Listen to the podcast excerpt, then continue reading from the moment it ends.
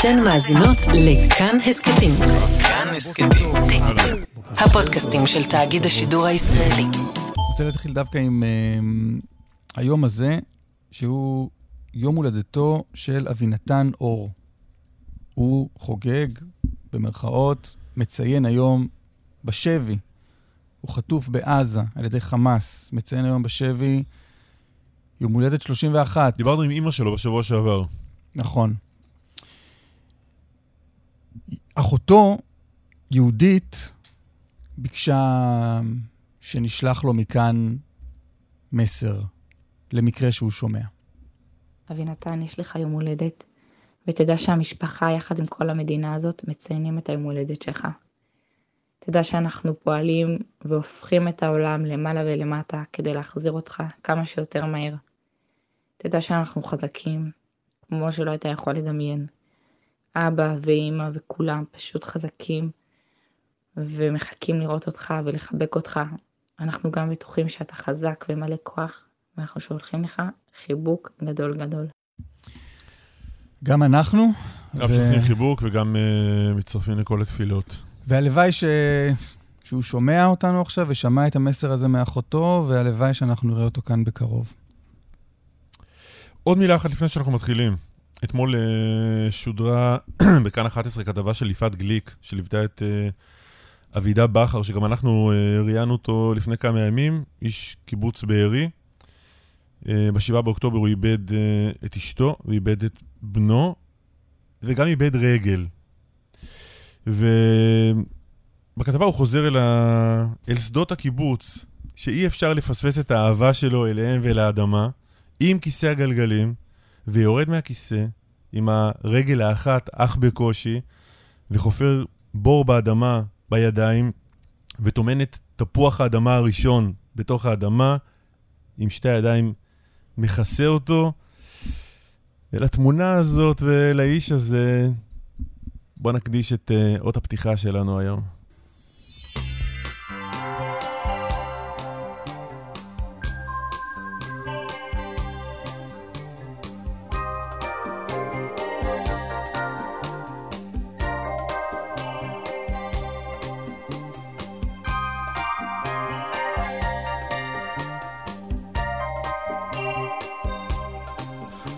מחלוני אני רואה רחוב כמו נהר גואה ואנשים לעבודת יומם הולכים. ותינוקות של בית רבם עם הילקוט שעל גבם ובידיהם כמה אלפי הדס פורחים. פתאום זה בא ומתבהר, ולעצמי אני אומר, לא, לא, לא תנצחו אותי, לא מנצחים אותי כל כך.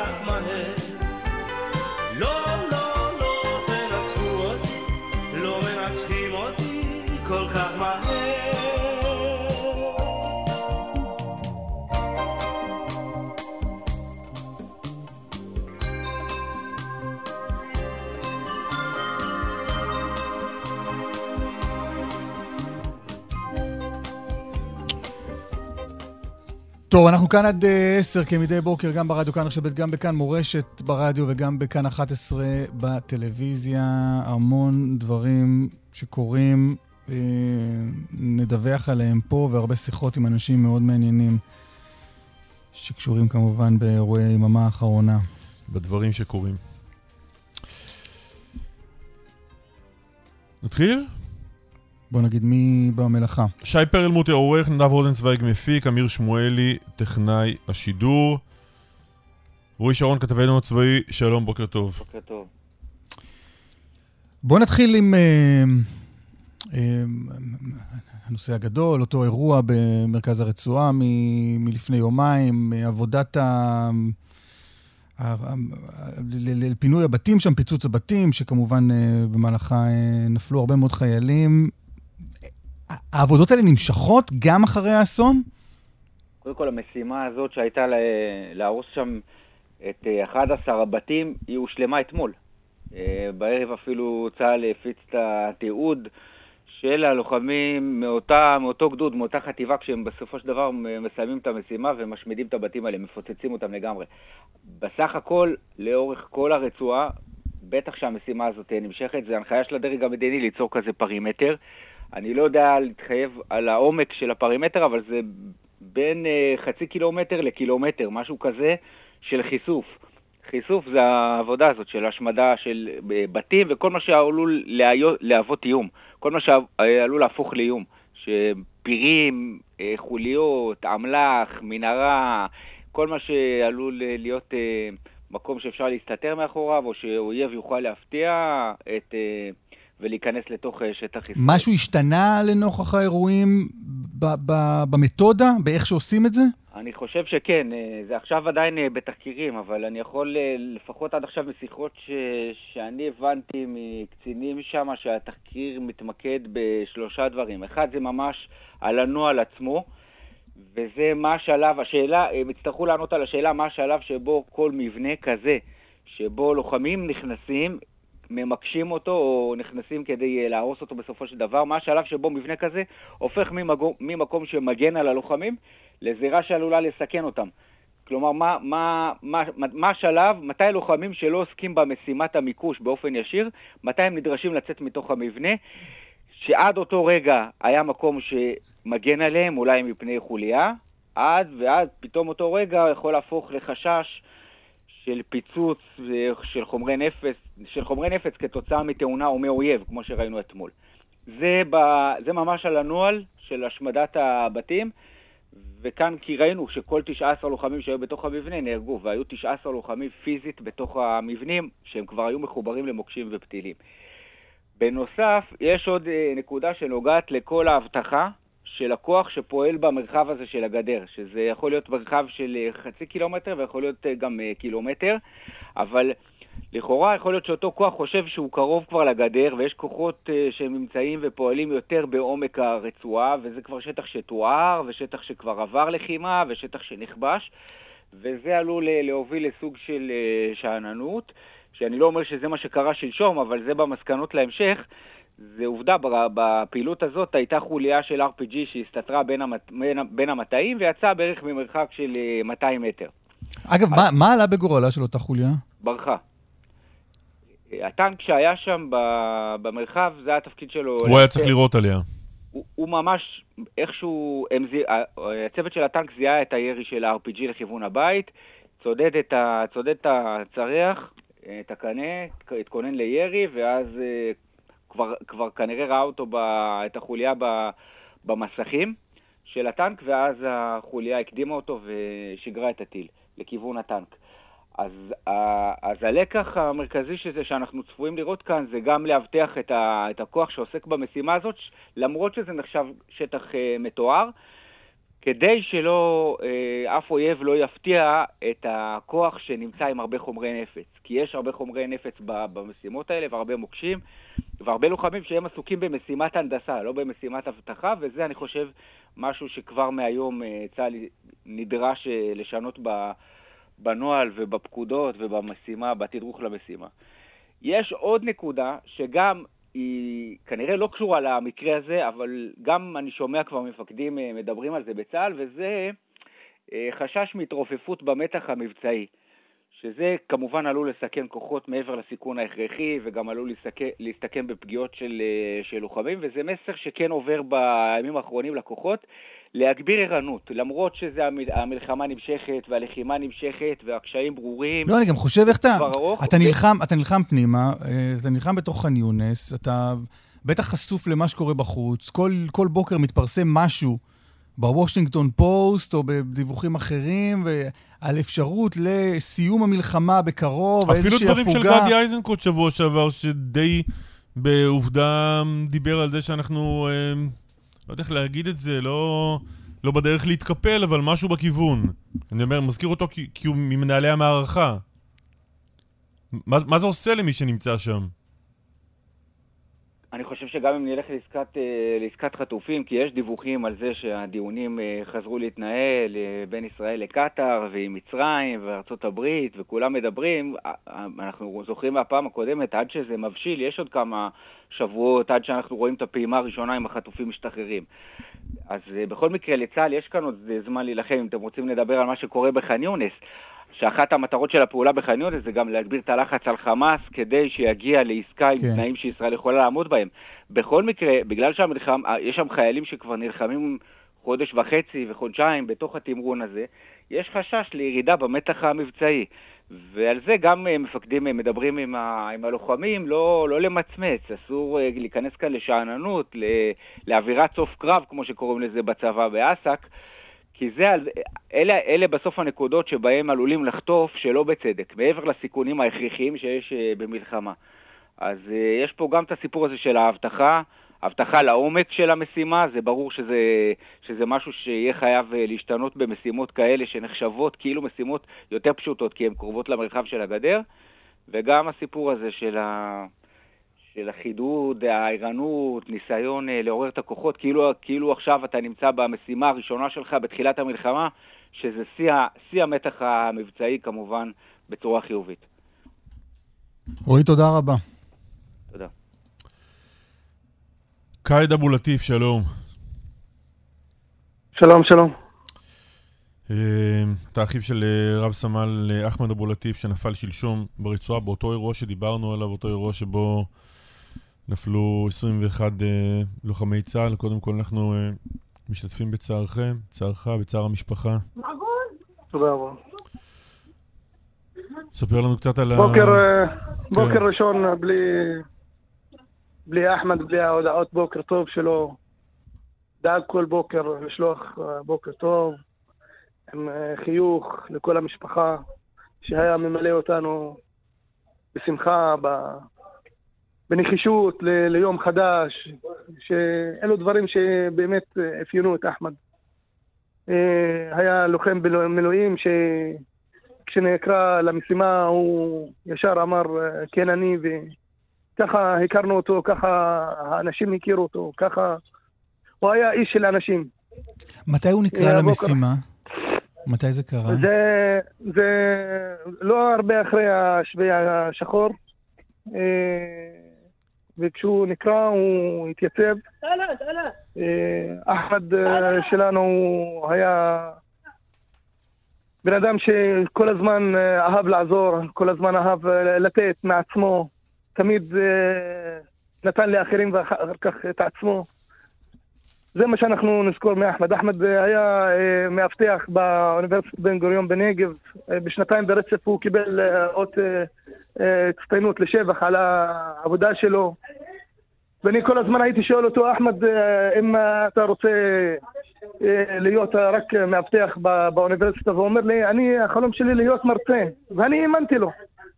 כי אחמד, אם אה, משהו רצה, הוא היה באמת מבצע. ומאז אני הייתי קורא לו פרופסור אחמד. כי אני הייתי בטוח שהוא באמת ישיג את כל מטרה. הוא, החלום שלו הוא לא רק בגדר חלום לשים אותו ככה ב... אה, עליית גג, אלא באמת לבדוק את עצמו כל הזמן לקראת החלום שלו, איך, מה הוא עושה על מנת באמת לממש את, ה, את, ה, את החזון שלו, את הפעילות שלו, ואחמד אה, כנראה לא, לא, לא, לא יספיק את הפרק הזה בהגשמת החלום, אבל אני בטוח שהלוואי הבת שלו מנסורה, על שם אימא שלי. מנסורה זה ויקטוריה, מנצחת. אני מקווה שהיא תעמוד יום אחד ו... הוא יסתכל עליה מלמעלה והוא יהיה גאה בה. כל הנחישות הזאת, כל הרצון אה, והמוטיבציה לעשות זה, זה בעקבות חינוך, זה בעקבות תנועות הנוער, הוא היה גם חניך וגם מדריך וגם רכז בתנועת הנוער, בנוער העובד והלומד, ואני, כשאני היום מסתכל איך מנסים כל הזמן לכרסם בתנועות הנוער, איך אה, לקחת מהם תקציבים, איך... ואני אומר, ליבי ליבי, בשביעי השחור, מי שהעמיד את המדינה זה ארגוני החברה האזרחית, שכל הזמן אנחנו רואים איך מנשלים מהם עוד תקציב ועוד תקציב, אבל ברגע האמת הם אלו שהיו כשהמדינה לא הייתה קיימת. אני פה דורש באמת החלמה מהירה לכל הפצועים, ו... ובאמת, ש... אין מילים, אין מילים. קייד, ראינו. קייד, ראינו את הפוסט שאחמד פרסם בתחילת המלחמה הזו עם גאווה מאוד מאוד גדולה בשירות שלו בצה"ל. הוא היה גאה בזה שהוא מוסלמי, הוא היה גאה בזה שהוא בדואי, הוא היה גאה בזה שהוא ישראלי, ואמר, אני, את הגאווה שלי אני רוצה לבצע בשטח. לא רק אה, להגיד את זה במילים. כשראיתי את הפוסט שלו, אני ממש בכיתי, אני ראיתי את זה כ- כצבאה, ואני אתמול, שקברנו אותו, וזה הכי, הרגע הכי, הכי כואב ש... כל בוקר הוא מנשק את אבא ואימא, ובדרכו האחרונה הוא מאבו כביר, ישר אה, עברנו אותו לבית קברות, ואף אחד לא יכל להגיד לו שלום. זה, זה רגע מאוד מצמרר, מאוד קשה. אימא שלי מאוד כועסת עליי, איך לא נתת לי לראות את הבן שלי לפני שקוברים אותו, אבל אה, זה, אלו, אלו הדברים, ו... הצוואה הזאת של אחמד, אני לקחתי את זה על עצמי. על הערבות ההדדית, על, ה, על, ה, על הקיום המשותף האמיתי, לא הדיבורים. אה, ואני הבטחתי אתמול לאחמד שאת דרכו אני אמשיך. תן, תן ואני מקווה מחשבות. שהערבות ההדדית הזאת לא תשכח ביום אחרי המלחמה. שאיך, אני מקווה. שאיך מביאים את זה לידי ביטוי? בעבודה משותפת, לא כל הזמן אה, לבכות את מר גורלנו, שה... כי החברה, באמת, החברה הבדואית ספגה את המכה הכי קשה במלחמה, הן בחטופים, בנרצחים, בשבויים, אבל לא להיעצר בזה, אלא באמת למצוא את הדרכים כן לעבוד וכן לעבוד ביחד, על מנת שבאמת החברה הבדואית תהיה משולבת ולא רק בדיבורים. משולבת בעשייה, משולבת, הנגב הוא של כולנו, המרחב הזה, אנחנו כולנו מ- מ- מ- חיים אה, טוב ומשותף, ולשם אנחנו צריכים לחתור. אני מקווה שהצבעה של אחמד, אה, ייקחו אותה הרבה אנשים, שיחפשו את המחנה המשותף של כל האוכלוסייה פה בארץ. אין לנו מקום אחר אה, להיות בו, ואנחנו צריכים להיות מלוכדים ומאוחדים ביחד, ולשם ככה אנחנו נלך. קייד, בחברה הבדואית יש, יש לא מעט חבר'ה צעירים שמתגייסים, אבל, אבל הרוב לא. הייתה לו התלבטות? אתה יכול לשתף קצת בהחלטה שלו, אני, אני מתגייס לצה"ל? אחמד, כל דבר שהוא רצה הוא עשה. כש... גם מבחינת הלימודים, גם מבחינת תנועת הנוער שלה הוא היה. זה היה מסלול מאוד ברור. ואז לא, לא, לא הייתה עולה סיכה או השאלה שהוא ממשיך את ה- אה, הגיוס אה, שלו. אה, אז פה לא הייתה שאלה בכלל. זה אף פעם לא זה לא עלה.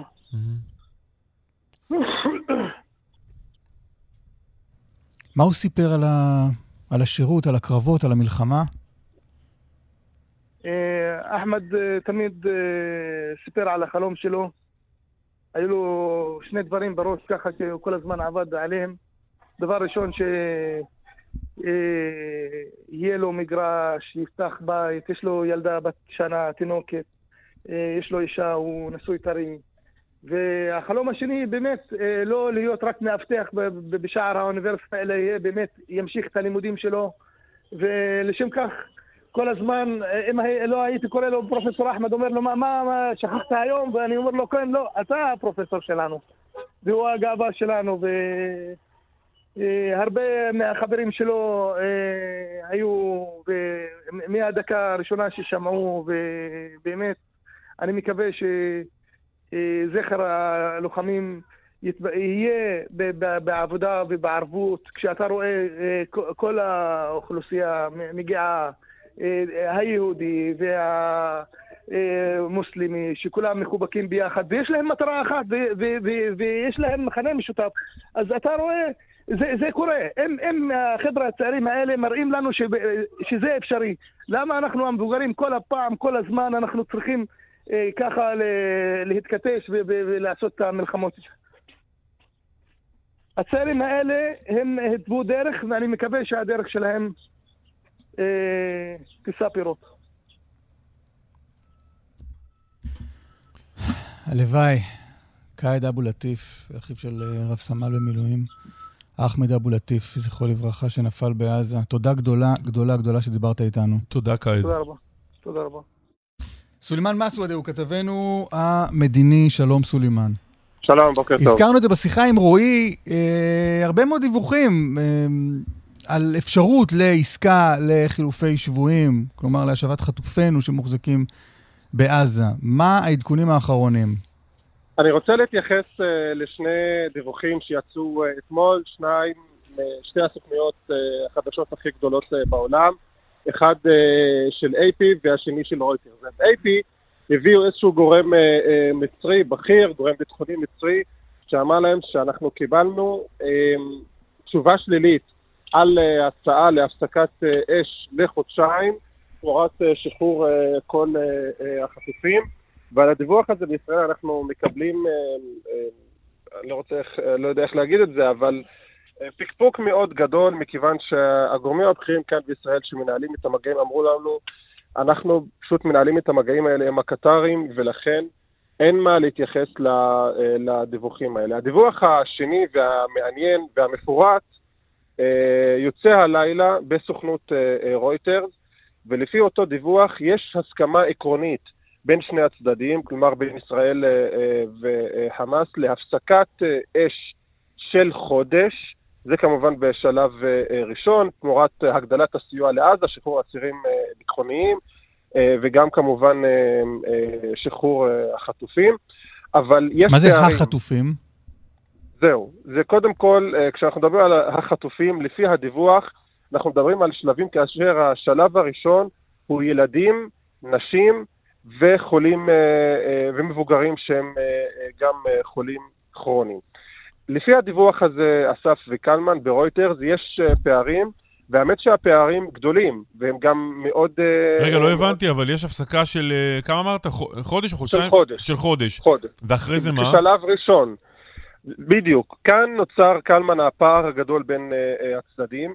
מכיוון שלפי הדיווח ישראל רוצה להתקדם רק בשלב הראשון, ואז לראות איך השלב הזה מתקדם, ואז לעבור לשלבים הבאים, אבל חמאס כבר רוצה לסגור בעסקה הזאת את השלבים הסופיים של העסקה, שאומרת, כך מה, מה הוא רוצה, זה מה שחמאס רוצה וזה מה שמצוטט ברויטרס, הם רוצים שהשלב הראשון יהיה הפסקת המלחמה וגם מתן ערבות שישראל לא תפגע בראשי uh, uh, חמאס, וישראל לפי הדיווח ברויטרס מסרבת uh, uh, להצעה הזאת. סולימאן, תגיד לי משהו, אנחנו כל יום מדברים על, על הצעות אחרות, הדלפות אחרות, רמזים בעיתונים אחרים, מגורמים אחרים, על, על עסקה כזו או אחרת. האם יש עסקה או הצעה או רעיון ש, שעולה באיזשהו מקום שאיננו הפסקת הלחימה? תראה, השאלה מי, מי יוזם את זה. לא אנחנו, משהו שהצד השני מסכים. סולימאן? אה, לא, לא, משהו קרה לך בטלפון. סולימאן מסוודה. סולימאן, נעלמת לנו. לא, לא, לא. סולימאן, אתה לא איתנו. הוא ממשיך להתראיין, אבל לא אלינו לדעתי. אתה חושב שהוא עבר למתחרים? אצלנו הוא לא, ומצד שני הוא מדבר. סולימאן, אתה שומע אותנו? הוא מדבר עם מישהו. בדרישה העקרונית שלו... סולימאן, אתה שומע אותנו? למרות שבישראל אומרים אנחנו מזהים איזשהו... לא, לא. לא, לא. לא. התשובה לא, היא לא, אגב. לשאלה ששאלת, שאלת שאלה טובה. הוא לא שומע אותנו. אה, שאלה הזאת. היה לך עוד שאלות? הייתה לי שאלה לסולימאן, אבל... אה, ואני, ואני שומע שהוא ענה עליה, אבל לא לנו, אז אני לא יודע מה... לא, בוא נראה אם הוא איתנו, אם לא נמשיך הלאה. סולימאן, אה, שומע? אני שומע. מסוף השאלה שלי ומתחילת התשובה שלך, לא שמענו. תחזור על השאלה. השאלה הייתה אם יש איזושהי הצעה, לא כזו שבאה מצד ישראל, אלא שמוסכמת, או לכאורה מוסכמת על ידי הצד השני, שלא עוברת דרך הפסקת המלחמה. סיום המלחמה. מה שרציתי להגיד זה, בדיוק, אז, אז תלוי מי, מי יוזם את זה, קלמן. אם זו היוזמה הישראלית שאנחנו דפקנו עליה לפני כמה ימים, ישראל לא יוזמת בשום שלב הפסקה כוללת של uh, המלחמה. אבל מהצד השני, כשאין יוזמה ישראלית, ומי שיוזם את זה זה חמאס, במובן מסוים גם קטאר, ושניהם רוצים להביא לסיום המלחמה, אז הם מציעים בסופו של דבר, אה, כל עסקה שהם מציעים היא מביאה בסופו של דבר לסיום המלחמה, וזה גם ליבת המחלוקת כרגע אה, בין ישראל לחמאס, לפחות לפי הדיווח הזה של אה, כשבישראל אומרים, אנחנו רוצים קודם כל לראות חטופים משתחררים בשלב הראשון, ואז להמשיך לשלבים הבאים, ובחמאס אומרים לא ולא, אנחנו רוצים לקבל ערבויות בינלאומיות שאתם לא פוגעים בראשים שלנו, וישראל מסרבת לדבר הזה. עכשיו, נקודה אחרונה, בישראל אמרו לנו... לא, אבל ישראל אומרת, אולי בעתיד אנחנו נסכים לא לפגוע בראשי חמאס?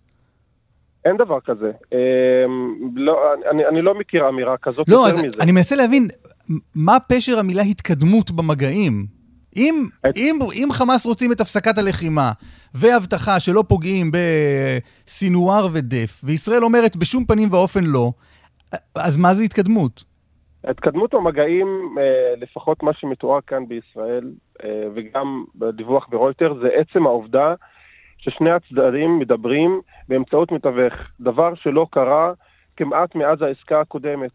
וזה ההתקדמות, אה, אני לא רוצה להגיד היחידה, כי באמת יכול להיות שיש דברים שאני לא יודע, אבל זה ההתקדמות שיש כרגע. שני צדדים שלא דיברו מאז העסקה הקודמת, מאז שהיא פוצצה למעשה על ידי חמאס, והפעם הם מדברים על אה, אה, קווים מנחים, ולפי הדיווחים אפילו יש הסכמה על הקווים המנחים. עכשיו לשאלתך, אסף, בדיווח הזה ברויטרס גם מצוין שישראל העבירה בקשה, אה, או לא בש... בקשה להגיד, יותר נכון להגיד הצעה, להגלות את ראשי חמאס, לפי הדיווח אה, שישה שמות הופיעו ברשימה הזאת, ביניהם גם אה, מוחמד דף וגם יחיא סנוואר, וחמאס סירבו אה, להצעה הזאת, כך שיש דיבור גם על, על הגליה.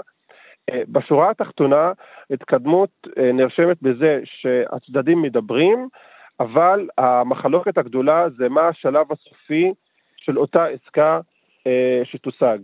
אם מבחינת ישראל השלב הסופי זה המשך המלחמה, מבחינת חמאס השלב הסופי זה הפסקה כוללת של המלחמה ולתת אה, אה, ערבות לא לפגוע בראשי החמאס, והדבר הזה כרגע תקוע לגמרי. סולימאן, תודה רבה. תודה. דוקטור מיכאל מילשטיין, ראש הפורום ללימודים פלסטינים במרכז דיין, אוניברסיטת תל אביב, שלום מיכאל. שלום קלמן, שלום אסף. בוא נתחיל בנקודה שבה סיימנו עם סולימאן, סוגיית ההגליה הזו, אני זוכר שיחה שהייתה לנו פה לפני הרבה זמן, חודשיים, נכון. שבה די פיקפקת ב... בכיוון הזה. כן, אני אה, לא... בינתיים, נגיד את זה, קלמן, אה, אין לי סיבות אה, להתחיל לזוז מעמדתי. אני לא מזהה את חמאס מוכנה להידבר על זה, בטח לא, לא את סינואר. יש דברים שהם עקרוניים מדי עבור, ה, עבור האנשים האלה. מה העניין כאן? מה העקרוני כאן?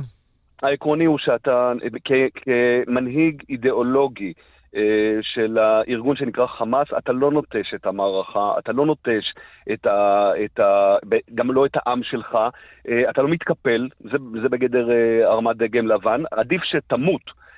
אולי אפילו עם כל קרוביך, מאשר תלך לאירוע מבזה, שבמסגרתו אתה פשוט מוברח מהשטח. אז מה לא שערפת... מבין, מה לא, או, אז זהו, הזכרת את ערפאת, מה לא מבין מי שמשווה ונזכר בסיפור של ערפאת בלבנון? אז שני דברים, אני חושב, קלמן, אה, אה, שהם מאוד מהותיים לכל מי שמנסה לעשות את ההשוואה או לגזור ממנה. אחד, ערפאת לא היה, אה, הוא היה בעצם נטע זר בלבנון.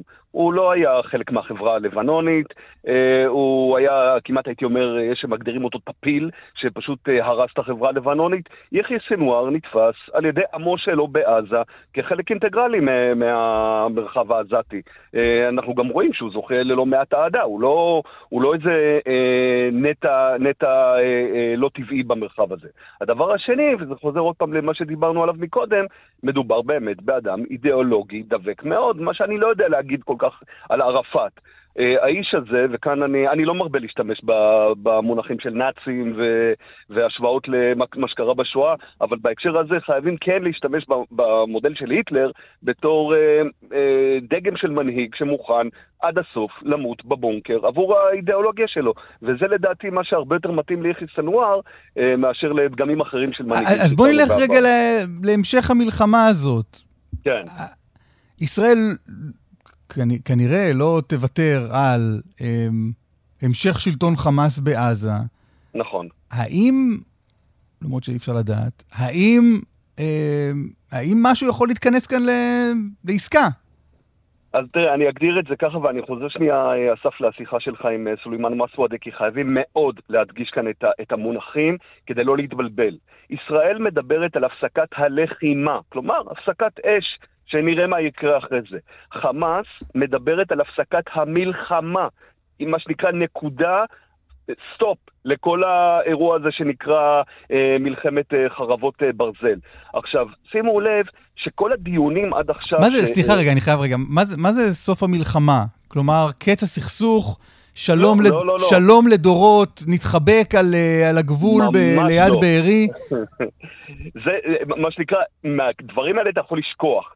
אבל כן מצב שבו אנחנו נכנסים לתקופה ארוכה שלא נלחמים אחד בשני. מה שנקרא בעגה של, של האסלאמיסטים, ההודנה או התהדיה, שהיא לא מוגבלת. כלומר, אתה, אתה, אתה יכול לבחור כמה, כמה זמן אתה רוצה, אבל זה בטח לא מזכיר את ההפוגה הראשונה. כלומר, את המצב שבו לשישה ימים נצרנו אש וחוזרים לעניינים. עכשיו, שימו לב שכל הדברים, או רוב הדיווחים שמגיעים אלינו לגבי למה העסק לא מתקדם, הוא לא על איזה סוג אסירים אה, משתחררים, בטח לא מעניין את חמאס כמה אה, עוד אה, סיוע הומניטרי ייכנס ואיך ייראה שיקום עזה, אלא הנושא העקרוני הזה של האם ישראל, אפשר להביא אותה למצב שבו היא אומרת, הפסקנו את הפרק ההיסטורי הזה. אתה רואה את חמאס, אתה רואה אפשרות, אה, מיכאל, שחמאס איכשהו בסוף מגיע לעסקה שאין בה את הסעיף הזה שאומר, נגמרה המלחמה, אתם מתקפלים הביתה? Uh, תראה, אני אגיד את זה, אני אגיד את זה בזהירות קלמן. Uh, אני חושב שהוא כן יכול uh, לעשות סוג של תעתוע, של להיכנס לתוך תהליך שבמסגרתו ירצה לעבור מהפסקת אש להפסקת המלחמה. כלומר, הוא יגיד, אוקיי, אתם יודעים מה? בואו בוא נעשה ככה. אה, אני מממש איזה מחווה קטנה, אה, ועכשיו אני רק מבקש חודש, חודשיים, שלא לא נעשה כלום, ותוך כדי זה שאנחנו מדברים על המשך המחוות או, או שחרור החטופים, בואו נתחיל לדבר על, על ענייני סיום המלחמה. אז יכול להיות שכאן, אה, ואנחנו צריכים אגב להיזהר מזה, אה, שיכול להיות שהוא מכין לנו איזה סוג של אה, תעתוע כזה. בהקשר הזה ממש חייבים להקפיד על המילים, על המונחים, הם מאוד מאוד חשובים. כי אנחנו משתמשים כאן, אנחנו זורקים לאוויר כל מיני כן. אמירות, אבל אנחנו לא שמים לב שהביטוי האופרטיבי שלהם והתפיסתי שלהם על ידי חמאס הוא מאוד מאוד מהותי. תגיד, מיכאל, בחברה הישראלית יש שיח ציבורי ער מאוד בנוגע למהלכים הנדרשים עכשיו, על הלחץ, יש לחץ ציבורי בכיוון לכיוון של עסקה, רואים גם אה, השפעות של השיח הזה והלחץ על ההנהגה. אנחנו יכולים לדעת משהו על השיח הציבורי או על הדעות של תושבי עזה לגבי מה שקורה?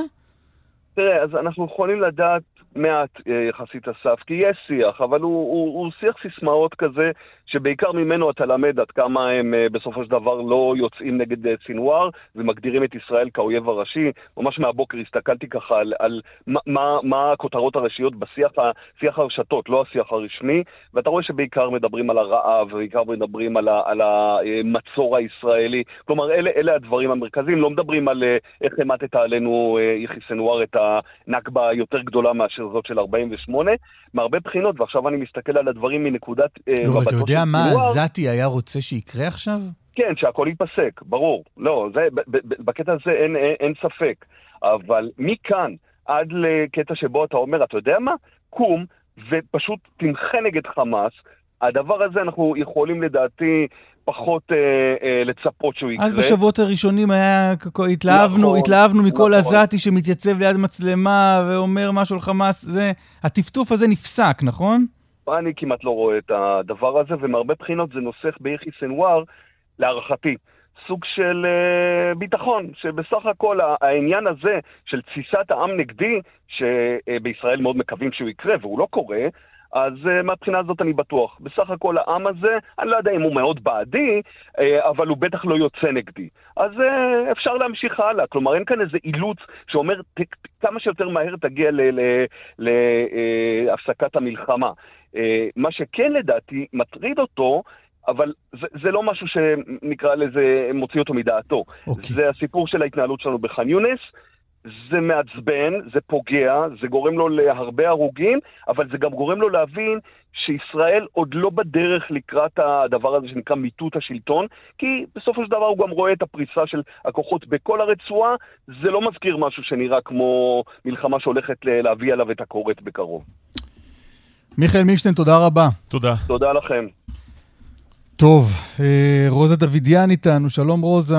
שלום, אהלן. בוקר, בוקר טוב ישראל, מה שלומך? תודה. זמנים לא קלים. כן. כן, בכלל לא. אה, לך יש אה, מפעל גדול שייסדת. נכון, יש לי מפעל גדול שהצעתי אני ובעלי והילדים בשנת 82 במושב זרעית. אנחנו התמחינו בגידול פטריות וגם פטריות אקזוטיים, שזה מיוחדים.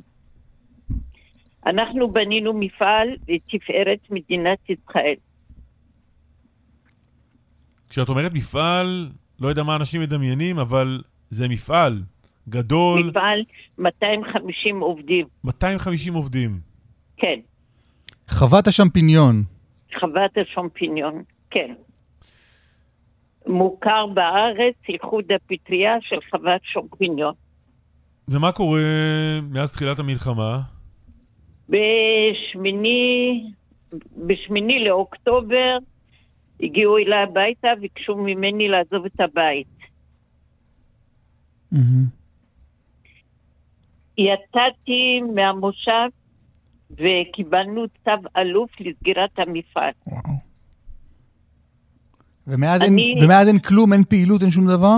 אין כלום, כלום, כלום, כלום. סגרו הכל. והכל מת? אה, לא רק הכל מת, הכל התרכב שם. כי זה, לגדל פטריות זה מסע שכנראה יתרכב, יתייבש. אין לנו מושג, לא נותנים לנו להיכנס, להתקרב, אין. כמה זה, זה- כמה זה גדול בשטח? מה, כמה זה גדול? כן. זה גדול מאוד. אני מייצרת כ-500 טון לחודש פטריות. וואו. וכל זה נעצר בשנייה אחת. הכל בשנייה אחת. פשוט להוריד את השלטר, וזהו. מי אלה 250 העובדים? מאיפה הם באים? אה, הם באים מכל האזור. מכל האזור הם באים. ממושבים, קיבוצים, קבלנים, כל מה שאתה רוצה מגיע אליי ועובדים. כי מה- כתף, פטריה זה מצריך ידיים עובדות. זה כתף ידני. מה, אז, מה אה, קורה איתם מאז. מאז תחילת המלחמה? מאז אני, אני בארץ היום, אה, כל פעם אני נמצאת במקום אחר. לא פשוט, אני מעל שלושה חודשים לא בבית. אה, המפעל סגור. אה, אה, כן, אבל אם אני צריכה משהו אישי מהבית, אני לא יכולה להגיע. כי לא נותנים בזרעית, כולם יודעים, יש הרבה הפגזות שם. מ- 250 עובדים גם, כולם יושבים בבית עכשיו. לא, חלקם יצאו לחל"ת. חלקת, אני משלמת להם משכורת, כי הם גם מפונים מהאזור. מי שמפונה מהאזור, את לא יכולה בעצם לפטר אותו. לא, אני לא יכולה. אז את משלמת לו משכורת ואת אמורה לקבל את המשכורת שלו מהמדינה? אני צריכה יכול לקבל בפיצוי. זה בדיוק העניין שהדברים לא כל כך אה, זזים. מה זאת אומרת? תראה, אנחנו מדברים רשות המיסים, טלפונים כל יום ביומו, אנחנו מעל שלושה חודשים קיבלנו איזה סכום שלא חיסה לי משכורת של שלושה חודשים. וכל יום, כל יום ביומו אומרים היום, מחר, היום, מחר, היום, מחר. אה, אה, בלי להיכנס לך ל... למספרים לגמרי, אבל על איזה סדרי גודל אנחנו מדברים? אנחנו מגדלים שאני צריכה להעביר משכורות בערך 800 אלף כל חודש. ואין לך מאיפה, אה. ואין לך מאיפה לעשות את זה עכשיו. לא, אין לי מאיפה לעשות, זה בדיוק העניין הגיע היום, כי הבירוקרטיה אה, והכל הולך נורא לאט ועוד לא קיבלת את זה, או מה? כן, נורא לאט זה הולך. נורא לאט. נורא. ואני מגדלת פטריות כבר 40 שנה. אני שילמתי את כל המיסוי שלי למדינה חודש בחודשו. למה ככה צריך לטרטר אותנו? מדהים. מדהים. ואין לזה אופק, את אה, אומרת. כן. אז אה, אני, אני מקווה שבאמת רשות המיסים יבינו שאי אפשר להחזיק אותנו בלי לתת לנו את התמורה שמגיע. ברור. אה, רוזה, אנחנו אה, נמשיך לעקוב ונהיה איתך בקשר, נראה שזה קורה. כן, רוזה אבל אני דוידיאן. רציתי עוד להגיד כמה דברים. אז, אז אנחנו נעשה את זה אחרי הפרסומות והחדשות, בוא נחזור אלייך בסדר? בשעה הבאה. נחזור אלייך, כי פשוט אוקיי, נגמרה לנו בסדר. השעה. אז סוף שעה ראשונה, פרסומות, מדרשות תשע, רוזה דוידיאן מחוות שמפיניון רצתה להגיד עוד כמה דברים, אנחנו נאפשר לה. נחזור עם רוזה ועוד כמה סיפורים מאוד מעניינים.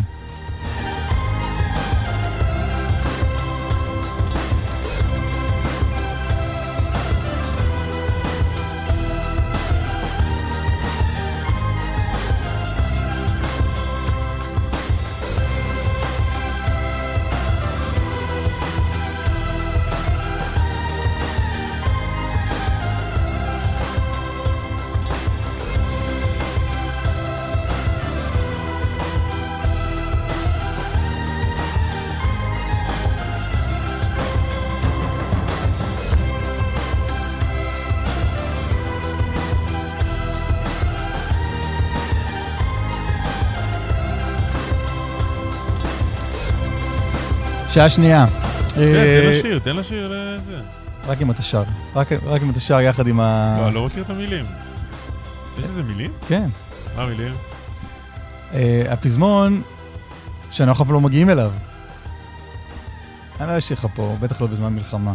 אה, אה, אה, אה, מה? לא. אתה מצביע? אה, I want a certainty in my life. זה הפזמון, אני רוצה ודאות בחיי, אה, שזה נחמד. כלומר, זה, אני חושב שגם תואם את אה, רוח המלחמה. כולנו הרי סך הכל, מה אנחנו רוצים אם לא ודאות? יפה. מתי נוכל לחזור לבתים שלנו, שעזבנו בדרום ובצפון למשל. אה, מתי אה, ישובו החטופים.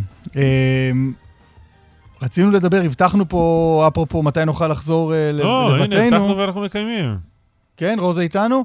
אה, דיברנו בפרסום שעה הקודמת, רוזה אה, דוידיאן, מייסדת חוות השמפיניון, שהיא אומרת את זה יותר יפה. איך את אומרת, רוזה? מה אני אומרת, שמפיניון? כן, או, את- הוגה. את זה יותר, יותר בחן. יותר בחן ממני. אז רציתי להוסיף כך, אנחנו הקמנו מפעל במושב זרעית, חוות שמפיניון. היו לנו מדינות שהגיעו לזרעית לראות את החידושים של כחול לבן. ישראל בגאווה.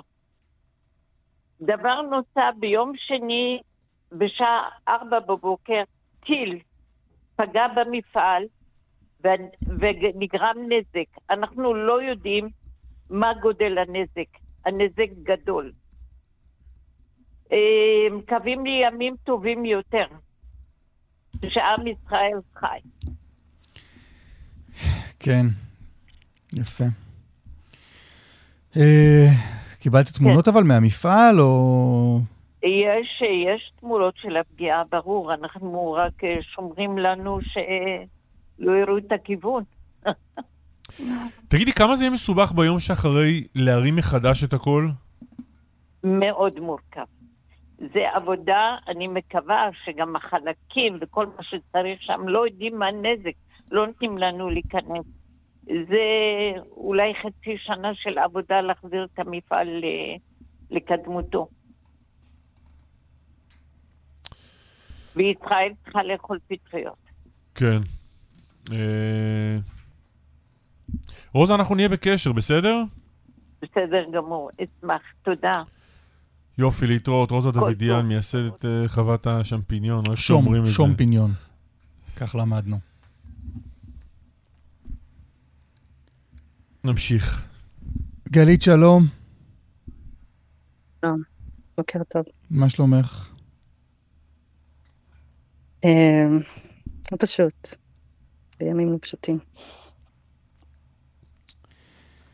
את uh, יועצת uh, בבית הספר uh, ביאליק רוגוזין. את הכרת את... הייתי היועצת. כן. לפני שנתיים הייתי היועצת של סדריק.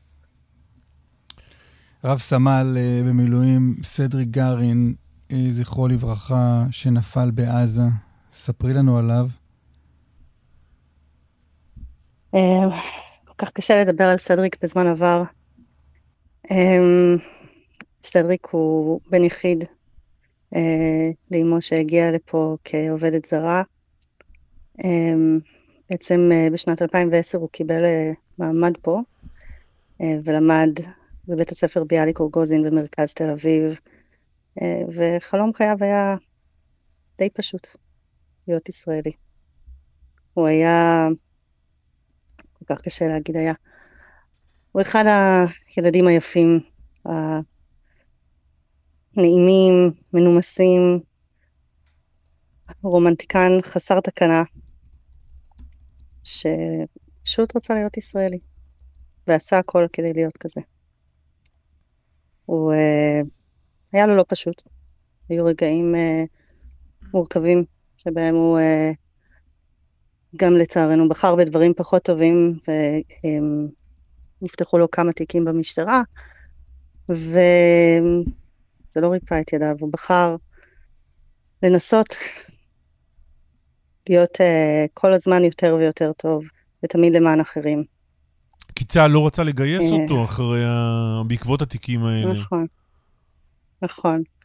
Um, הוא, הוא, צה"ל רצה לדחות לו את הגיוס, הוא רצה mm-hmm. לראות מה קורה איתו. Um, כתבנו הרבה מכתבים, ו...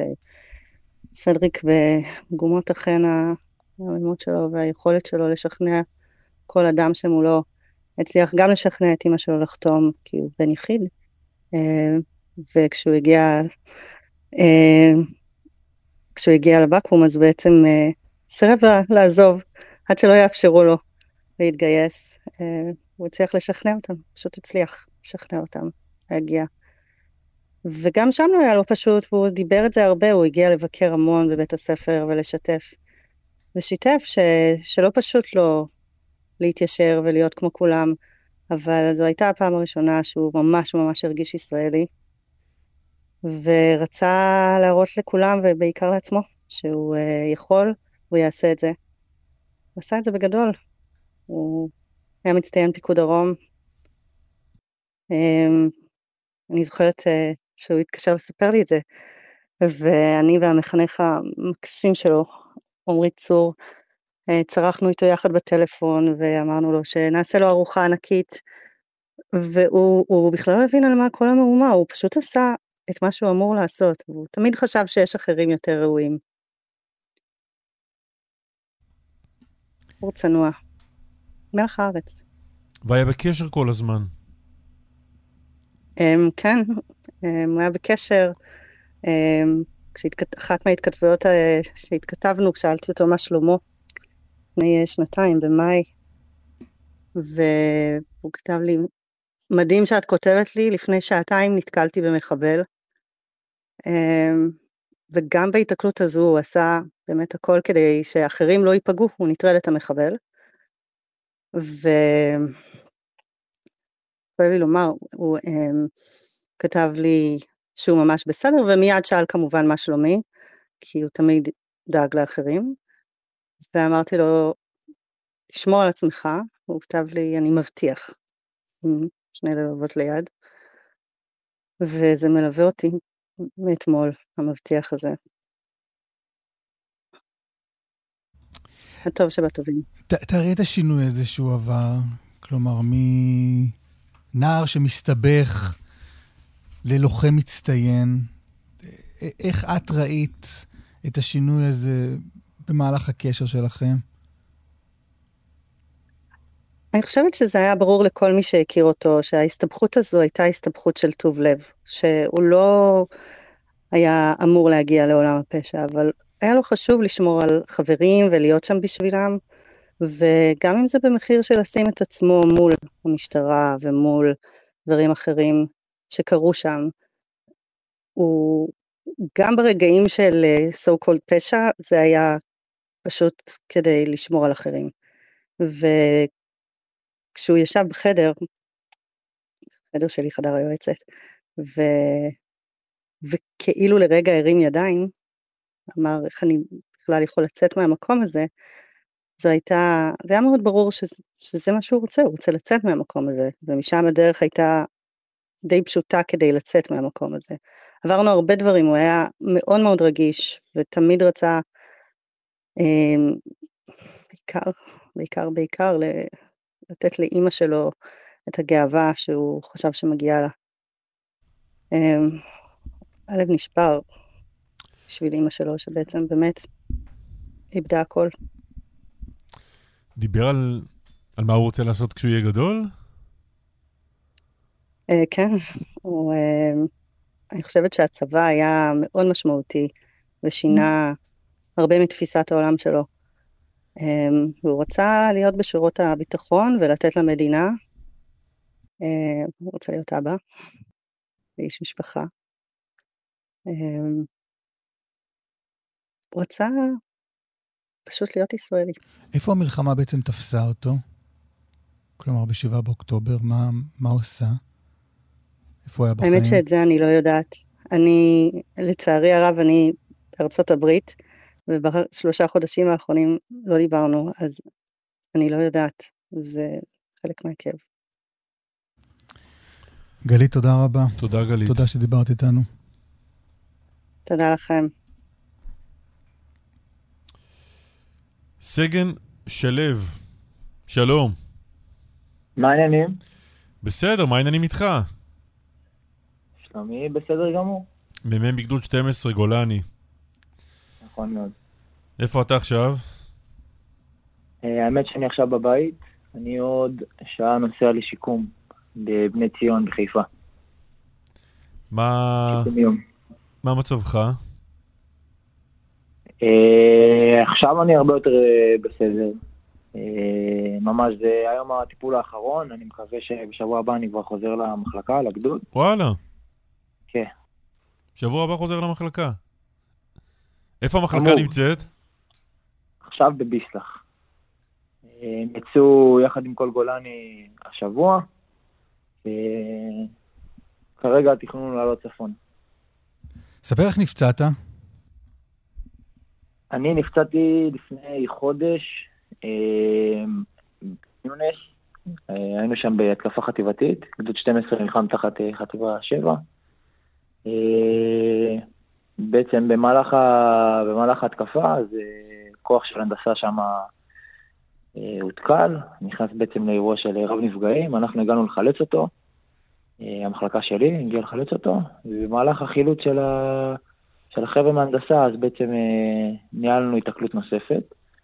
אה, ניהלנו אותה טוב, במהלך ההתקלות אבל אה, חטפנו RPG, הפצעתי עם עוד אה, חמישה לוחמים מהמחלקה שלי. אה, וזהו, משם שם חברנו ל-669 על הפינוי. אה, וכל אחד עכשיו נמצא בבית חולים אחר. איפה נפצעת? כמה נפגעת? אה, נפצעתי בכתף וביד, משני רסיסים. אה, הכאבים התחילו עם כל האנדרנלין, אתה יודע, וה... שיש שם, אז הכאבים תקפו אותי כמה דקות אחר כך. יש לי כמה חיילים שנפצעו יותר ממני, טיפלנו אחד בשני, והגענו לארץ. אתה בקשר איתם, החיילים שלך? אלה שנפצעו, אלה שהמשיכו? כן, ברור. עם האלה שהמשיכו, אתה יודע, אז אה, בשבועיים הראשונים שאני הייתי. בטיפולים ובשיקום, אז הם עדיין היו בעזה, אפילו שלוש. אה, החבר'ה שהיו, שנפצעו איתי, זה קשר יומיומי. זה, אם זה אומר לנסוע להיפגש, זה פיזית להיות, להיות באותו בית חולים, קשר של יומיומי. המחלקה שלי עכשיו אני אפגוש אותה, בעזרת השם, בשבוע הבא. איך נראה השיקום? מה עושים בשיקום? אה, זה מאוד תלוי מה, מה סוג הפציעה. אתה, אצלך. מה אתה עושה עכשיו? אצלי. אמ, זה כמה מפגשים בשבוע שאני נוסע לבית חולים. יש לי צוות שהוא אורגני אליי, כלומר הוא אותו צוות כל הזמן. אה, אני עובר שתי טיפולים מרכזיים, פיזיותרפיה שזה בעיקר לכתף, לטווחי תנועה, השריר עצמו נפגע, אז לחזק את השריר, שזה בעצם ההכנה ככה להיכנס, ויש לי ריפוי בעיסוק, שזה בעיקר לתנועות הקטנות, לתזוזה של האצבעות, לאזורים, לרקמות שנפגעו, לדברים כאלה. אז אתה אמור, אתה אמור שלב לסיים את זה עכשיו, ולהיות כשיר לגמרי לחזור ל- ללחימה? תשמע, אם תשאל את הרופא אם אני כשיר לגמרי, הוא יגיד לך שלא בדיוק, אבל בסוף, אתה יודע, זה רצון שגובר. אתה אומר, רצון שגובר... אתה אומר אם תשאל את הרופא, אבל אני לא שואל את הרופא. בדיוק. אבל איך זה עובד? הצבא כאילו מצפה ממך לחזור? אומר לך, יאללה, שלו, סיים עם השטות הזאת ותחזור פנימה? או שאתה אומר, לא אכפת לי מה קורה, אני, אני מסיים פה והולך? האמת שהצבא נותן מעטפת אה, ממש ממש טובה. אה, ב, ב, כאילו, אף אחד לא אומר לי תחזור, אף אחד לא זה, רק שואלים לשלומי. אה, הצבא גם נותן לי גם זמן שיקום הרבה יותר ארוך ממה שאני חושב שאני צריך. אה, ואין לא, אין איזה גורם שמתקשר אליי ולחוץ עליי. ואני יכול להגיד לך שגם על החיילים שלי, כמו הלכתי לבקר חייל שלי ש, שגם נפצע, והוא, כמו כל החיילים, הוא בראש של כמה שיותר מהר לחזור. יש משהו שאתה חווה גם בלחימה, אני חושב שמגבש את המחלקה, מגבש את הגדוד, שזה מוזר להיות בבית עכשיו, מאוד מוזר. אני רק שואל, נגיד והיית אומר לצבא, חברים, אני עוד לא מאה, גם אחרי השיקום אני צריך את הזמן בבית ואני לא יודע אם אני אחזור. מבחינת הצבא זה היה בסדר? זה רק אתה כן. שאומר, אי אפשר, כן, לשב, כן, אי אפשר לשבת בבית עכשיו? א', זה לא רק אני, זה הרבה, אבל כן, חד משמעי. לא, לא, רק אתה מבחינת, אני. מתכוון מבחינת הקצין, לא מבחינת... אה, כן, כן, ברור לי. אבל אה, לא, הצבא באמת לא... לא דוחק בי לחזור או משהו כזה. בבית אין מי שאומר לך, בוא, שלב, שב קצת, תנוח, נלחמת, בוא... בוא תהיה קצת שלב. אה, יש, אה, יש רעשים כאלה בבית, אבל... אה, מי האנשים ומה אתה עונה להם? תשמע, אימא זה גורם מאוד דומיננטי. גורם בכיר. לא הפתעת. אבל אז מה אתה אומר לאימא? ומה, ומה, ומה אימא אומרת? מה היא אומרת? תישאר בבית? אה, היא לא אומרת את זה בצורה כזאת, לאמא יש שיטות, אבל... אה, אבל אה, לא, לא, גם הראש בבית הוא ש... שעם כל הזה שזה מפחיד, עם כל הזה שזה, וואי, זה יכול להיות מסוכן וזה, זה המשימה, ו... ובטח למישהו שעושה קבע בצבא, ו... והחליט שזה מה שהוא רוצה לעשות, אז זה, זה, זה, זה יותר ממה שזה מחויבות שלי. אתה מבין עכשיו, אתה, אתה חושב קדימה עוד אה, על הצבא, על גולני? אה, נראה לי זה קצת רחוק. לאט לאט אתה אומר, תן לחזור. כן, לאט לאט. סגן שלו, מ"מ בגדוד 12, גולני, רק בריאות. תודה רבה. היה שלב שבו אה, באולפן לא יודעים איך לסיים את השיחה. אז חיבוק גדול גדול מאיתנו, ותודה רבה על כל מה שאתה עושה בשבילנו. תודה, תודה רבה. חבר'ה, אלה מרגשים אחד-אחד. מטורף, ממש. חן ביאר, כתבנו בצפון, שלום. שלום, בוקר טוב. אה, זה סיכום הבוקר, לילה. לא, הבוקר והלילה בינתיים אה, ככה עובר בשקט יחסי. אתמול אה, היו סגורים, בעיקר בחלק המוקדם יותר של היום. האירוע המרכזי היה באמת אה, אותו מטח שנורה לאזור אה, הר מירון, אה, כולל פגיעה, פגיעה קלה, כפי שהגדירו את זה בצה"ל, בבסיס הבקרה האווירית. אותו מקום שכבר הותקף בטילים לפני כמה שבועות, וגם אז הייתה שם פגיעה. בצה"ל מדגישים שבעצם היכולות לא נפגעו, יכולות הבינוי בכל מה שקשור להגנה האווירית. לא אתה הולך, אתה הולך ונמוג לנו. כן, טוב שטוב יותר. כן. מה קרה? זה כאילו זלג לך הטלפון לאט לאט כאילו מה... לא, לא? אבל טוב, אוקיי. לקליטה, אתה יודע. כן. אה, רצונות משלה לפעמים.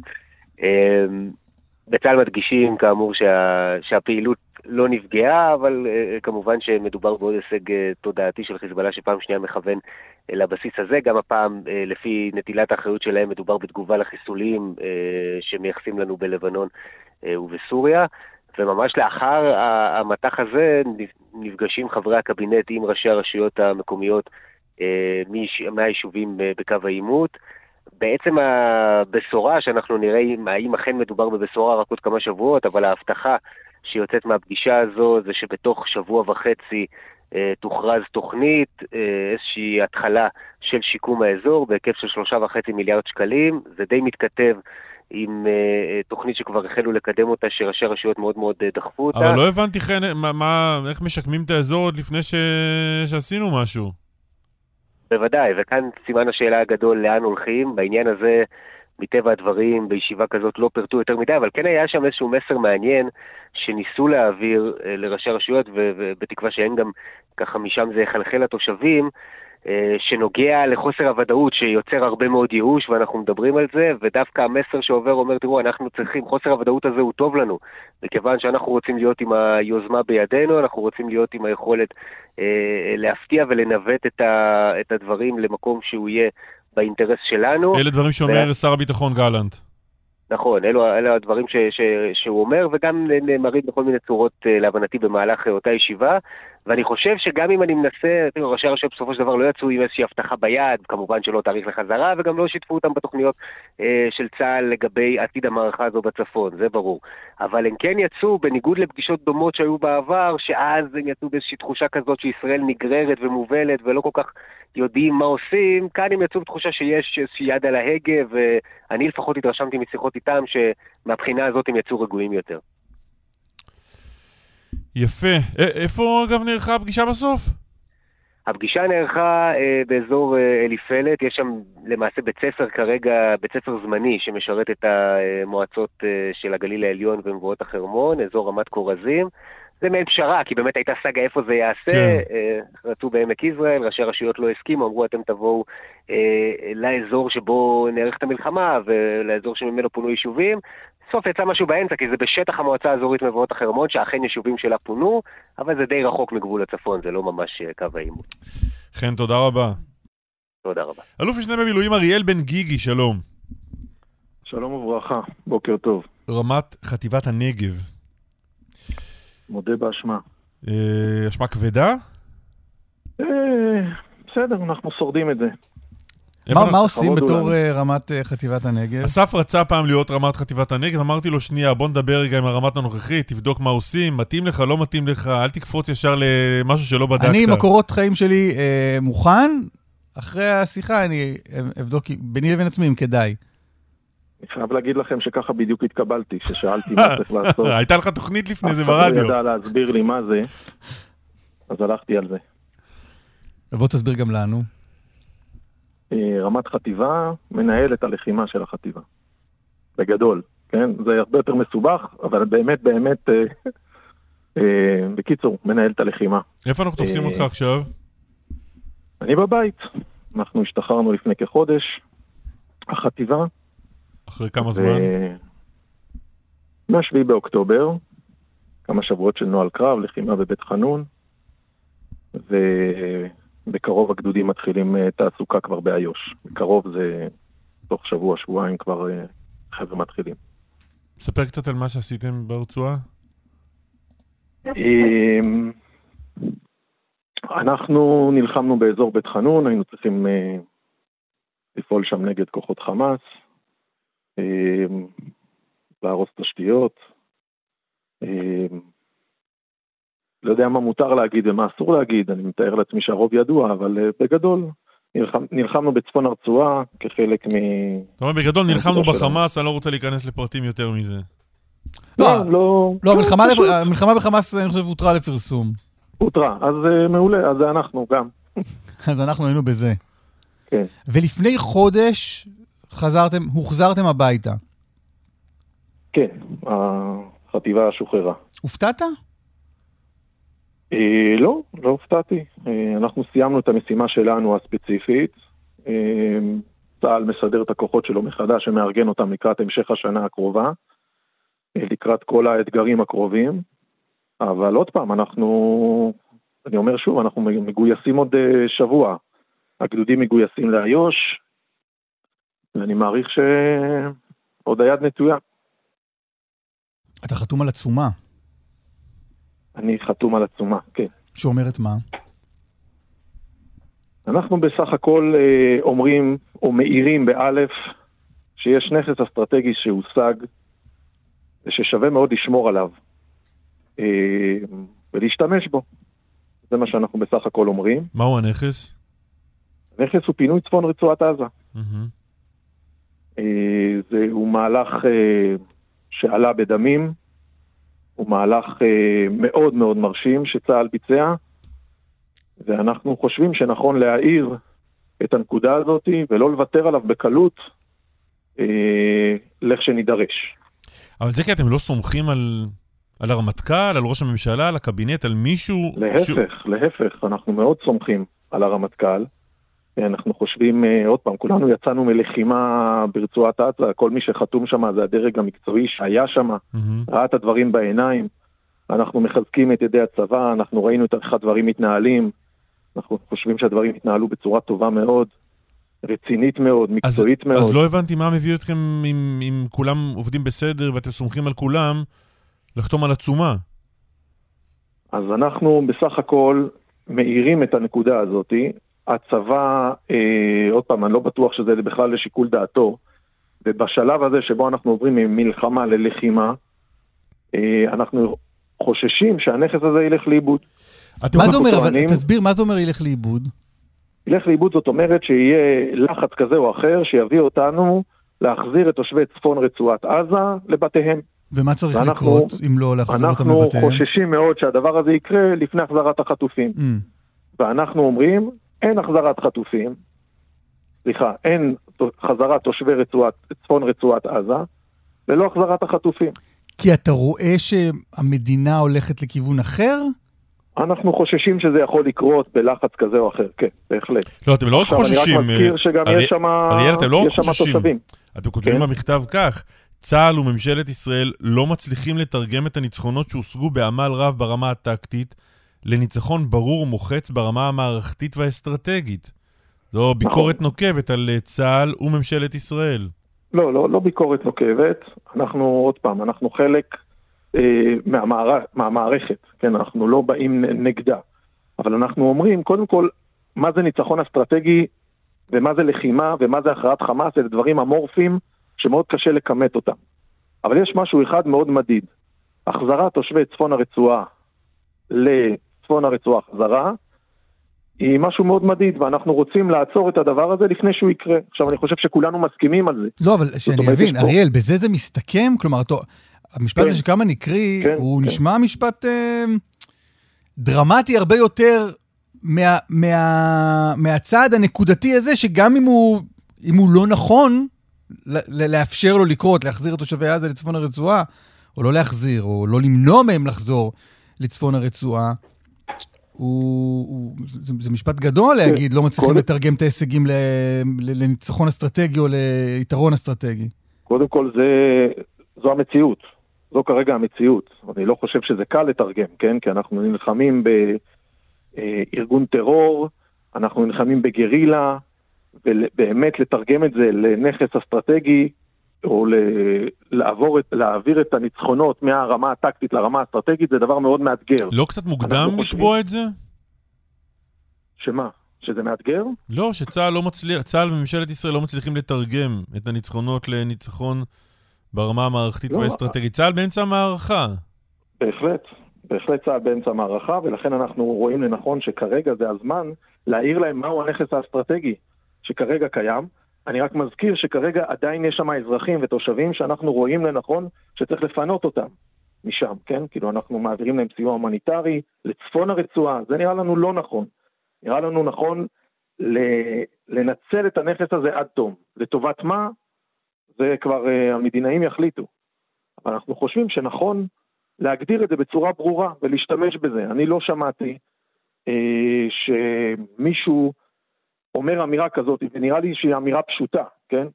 תושבי צפון רצועת עזה לא חוזרים לבתיהם עד שהחטופים לא משוחררים. נראה לי שזה צריך להיות הבייסיק של הבייסיק. אלוף משנה במילואים אריאל בן גיגי. תודה רבה לך. תודה לכם ובהצלחה במעבר בין השיחות הקשות דיווחי תנועה. נראה לי שזה האתגר האמיתי שלנו במדינה. כן, אחד מהם. אחד מהם. תודה רבה. להתראות. שלום עידן. אהלן, בוקר טוב. את שמה את uh, העידן בעידן הפרי. אמת. זו אני. מה זה עידן, מה זה עידן הפרי? עידן הפרי זה בעצם, האמת שהשם קיבלתי אותו במקרה, אבל כנראה ששום דבר הוא לא במקרה. עידן הפרי זה מפעל משפחתי לייבוש פירות. אה, לא את המצאת את השם? לא קשור אלייך. קשור אליי, אבל לא אני בחרתי את השם של עצמי. וואו. כנראה זימנתי אותו. מדהים. נמצאים במושב בעצת, משק חקלאי. האמת שאני, שזה לא המקור שלי, זה המקור של בעלי. הסבא וסבתא שלו היו מהמייסדים של המושב. אה, בגלל זה הוא התחתן איתך, הוא חיפש מישהו עם השם הזה. בדיוק. Mm-hmm. וככה הם מתעסקים במשק, התעסקו, גידלו הרבה שנים פרחים, כל מיני גידולים שונים, והתמקמו בחמישים שנה האחרונות בגידול של בננות בעיקר, ואבוקדו ועוד כמה זנים של פירות. ואני הגעתי, לה, הכרתי את בעלי לפני 24 שנים, ונהניתי מאוד לאכול את הפירות, אבל באיזשהו שלב הגיע שלב שצריך גם לעשות משהו איתם, אז החלטתי להתחיל לייבש. ומה עכשיו? עכשיו אנחנו, באופן כללי, בגלל המצב, אנחנו מחוץ למושב, אני והילדים התפנינו בשמיני באוקטובר, כמובן, כמו חצי מה, מהאזור פה. ונדדנו בין מקומות שונים. התמקמנו לאחרונה בכפר ורדים כדי שיהיה קרוב יותר גם למשק, כדי שנוכל, שאני אוכל להגיע לעבוד. ומשתדלים לעשות את הכי טוב שאפשר לצד, ה, לצד המורכבות. אז מה קורה עם העסק? בעיקרון, כרגע ייבוש אנחנו לא עושים, אני לא יכולה לעשות בגלל שאני לא נמצאת פה מספיק שעות במשך היום, בגלל ששעות העבודה הן מוגבלות. אבל אני יורדת את כל מה שהיה מוכן. משתדלת להוציא עכשיו לט"ו בשבט, לפחות שאנשים יוכלו לברך על פירות הארץ ולא על הפירות מטורקיה ו... ואחרים. שזה, שזה בדרך כלל מה שאנחנו עושים, נכון? כן, שזה הכי מצחיק. זה עצוב. כאילו, לברך בורא, לברך, לקחת פרי ירוק נוצץ, זוהר, ולברך עליו בורא פרי הארץ כשהוא מגיע מטורקיה. ולספר לעצמנו שאלו פירות שנשתבחה מהם ארץ ישראל. בדיוק. איזה, על איזה פירות אה, אנחנו מדברים אה, אצלכם? וואו, מגוון אני חושבת שהכי גדול שאפשר למצוא בעולם, עם, לגמרי. כאילו, מי, מי הפשוט ביותר שזה אה, תפוח ובננה ומנגו ואפרסק ואגס ואפרסמון ותפוז ותאנה ומישמיש, שזיף, נקטרינה, אה, אננס, פיתאיה, ליצ'י, שסק, קרמבולה, אה, תות שדה, תות עץ. אני חושבת שאין פרי, אין פרי בארץ שלא עובר, אה, שלא עובר ייבוש. אז עכשיו איפה אפשר uh, להגיע לקנות מכם... Uh, באנו לעזור. כן, את הפירות. לצערי המרכז מבקרים שלנו סגור. Uh, המרכז מבקרים במושב בעצם כרגע סגור uh, כמובן מאליו. Uh, אז בעיקר האתר, האתר עובד, האתר אינטרנט עובד, ומשם אני מצליחה להוציא לאט לאט את כל ההזמנות. מה אם אני כותב עכשיו בגוגל עידן הפרי. עידן הפרי, אז אני מגיע. אז, עידן הפרי, עידן הפרי, החנות שלך לפירות ובריאות. כן. בדיוק. מוצרים מהטבע. אה, יפה, וגם יש, ה... יש גם את הסיפור שלכם שם. הזוג הצעיר, מתגורר במושב בצת, שבגליל המערבי, החליט לשלב ידע ולהקים עסק לייצור פירות מיובשים 100% טבעיים, ללא חומרים משמרים. וואי, אתה מהיר. זהו, האמת, אני, אני, אני, אני מהיר, אבל האתר פה נתקע, אולי מלא אנשים, אוי אה, אולי מלא אנשים עכשיו גם מנסים... אה... אוי ויי, אוי ויי, תכף נטפל בזה. כן. אה, אני, אני זה האנשים שמנסים. אני לא מצליח להיכנס עכשיו לאתר. כן, הפלנו אותו. אוי ויי. הפלנו כן, אתה חושב שזה זה? לא, אני לא יודע, אני גם לא מצליח. Uh, מי שמאזין לנו עכשיו, תעזבו את זה רגע, תנו לנו שנייה להיכנס, ותיכנסו אתם עוד שתי דקות, אי אפשר שכולם ביחד. הנה, נכנסתי. כן, זה עולה לאט אבל. יפה. טוב, זה עולה לאט בגלל שהקליטה מהצפון עכשיו משובשת, לוקח נכון, זמן, אתה יודע, נכון. אנחנו לא במציאות, זה אין לנו הכל רגיל. כן. אז uh, הקווים, התשדורת וזה, לוקח זמן, אבל... אם מזמינים תוך כמה זמן, אם מזמינים תוך כמה זמן uh, זה מגיע? בשוטף תוך יומיים, שלושה, היום יכול לקחת אולי חמישה ימים, אבל הכל מגיע, גם אם, גם אם זה מתעכב מעט, הכל מגיע בזמן. אם לא לט"ו בשבט, אז זה כממתקים, זה לא חייב להיות אה, פירות רק לט"ו בשבט, זה גם יכול להיות נשנושים בריאים, זה יכול להיות חטיפי, אה, חטיפים לילדים לבית ספר. גם חשוב, למגירה, גם חשוב, גם במשרד, בריא. במגירה, מגניב. כן, במגירה של המשרד, שכל אחד יושב ויש לו אה, את המגירה של הממתקים, של הנשנושים לשעת צרה, שמה, שמה הפירות המיובשים. תגידי, מה. זה- מה זה סושי פירות מיובשים?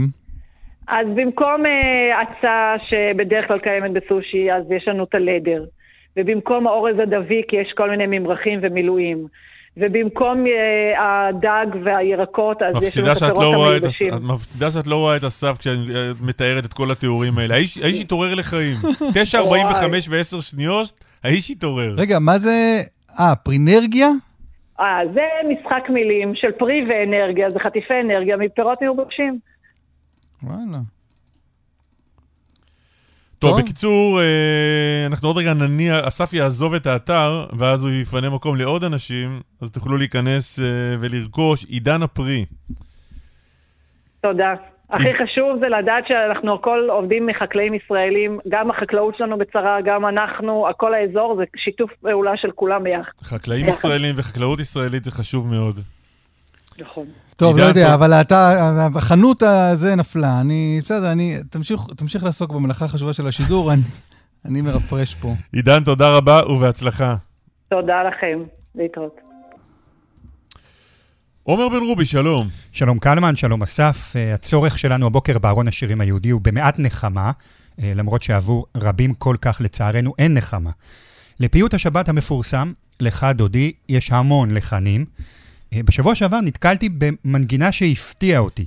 ידעתי שזה קיים, אבל לא זכיתי לשמוע עדיין. לך דודי לפי מנגינת השיר הללויה של ליאונרד כהן. תזמזם רגע. אה, לא, לא, ת- תכף יזמזמו פה שניים. ליצירה הזו חברו יחד המוזיקאי נמרוד לב והזמרת הצעירה רוני גולדברג, וזה יפה ומרגש ומנחם. אז הנה, רגע, אני רוצה שקודם רגע המאזינים שלנו... ידמיינו את אה, ליאונרד כהן שר כן, הללויה. יעשו רגע איזה תרגיל רגע לפני, ואז בואו נראה האם הצלחתם לקלוע כמו שצריך. רגע, ניתן להם כמה שניות, ואז נתחיל, בבקשה. אז הנה. שיר לשבת, בביצוע חדש, לך דודי למילותיו של רבי שלמה הלוי אלקבץ, בלחן של ליאונרד כהן עם נמרוד לב ורוני גולדברג. ערב ט"ו בשבט היום ושיהיו בשורות טובות לעם ישראל. אמן, תודה עומר. שמור וזכור בדיבור אחד, השמיענו אל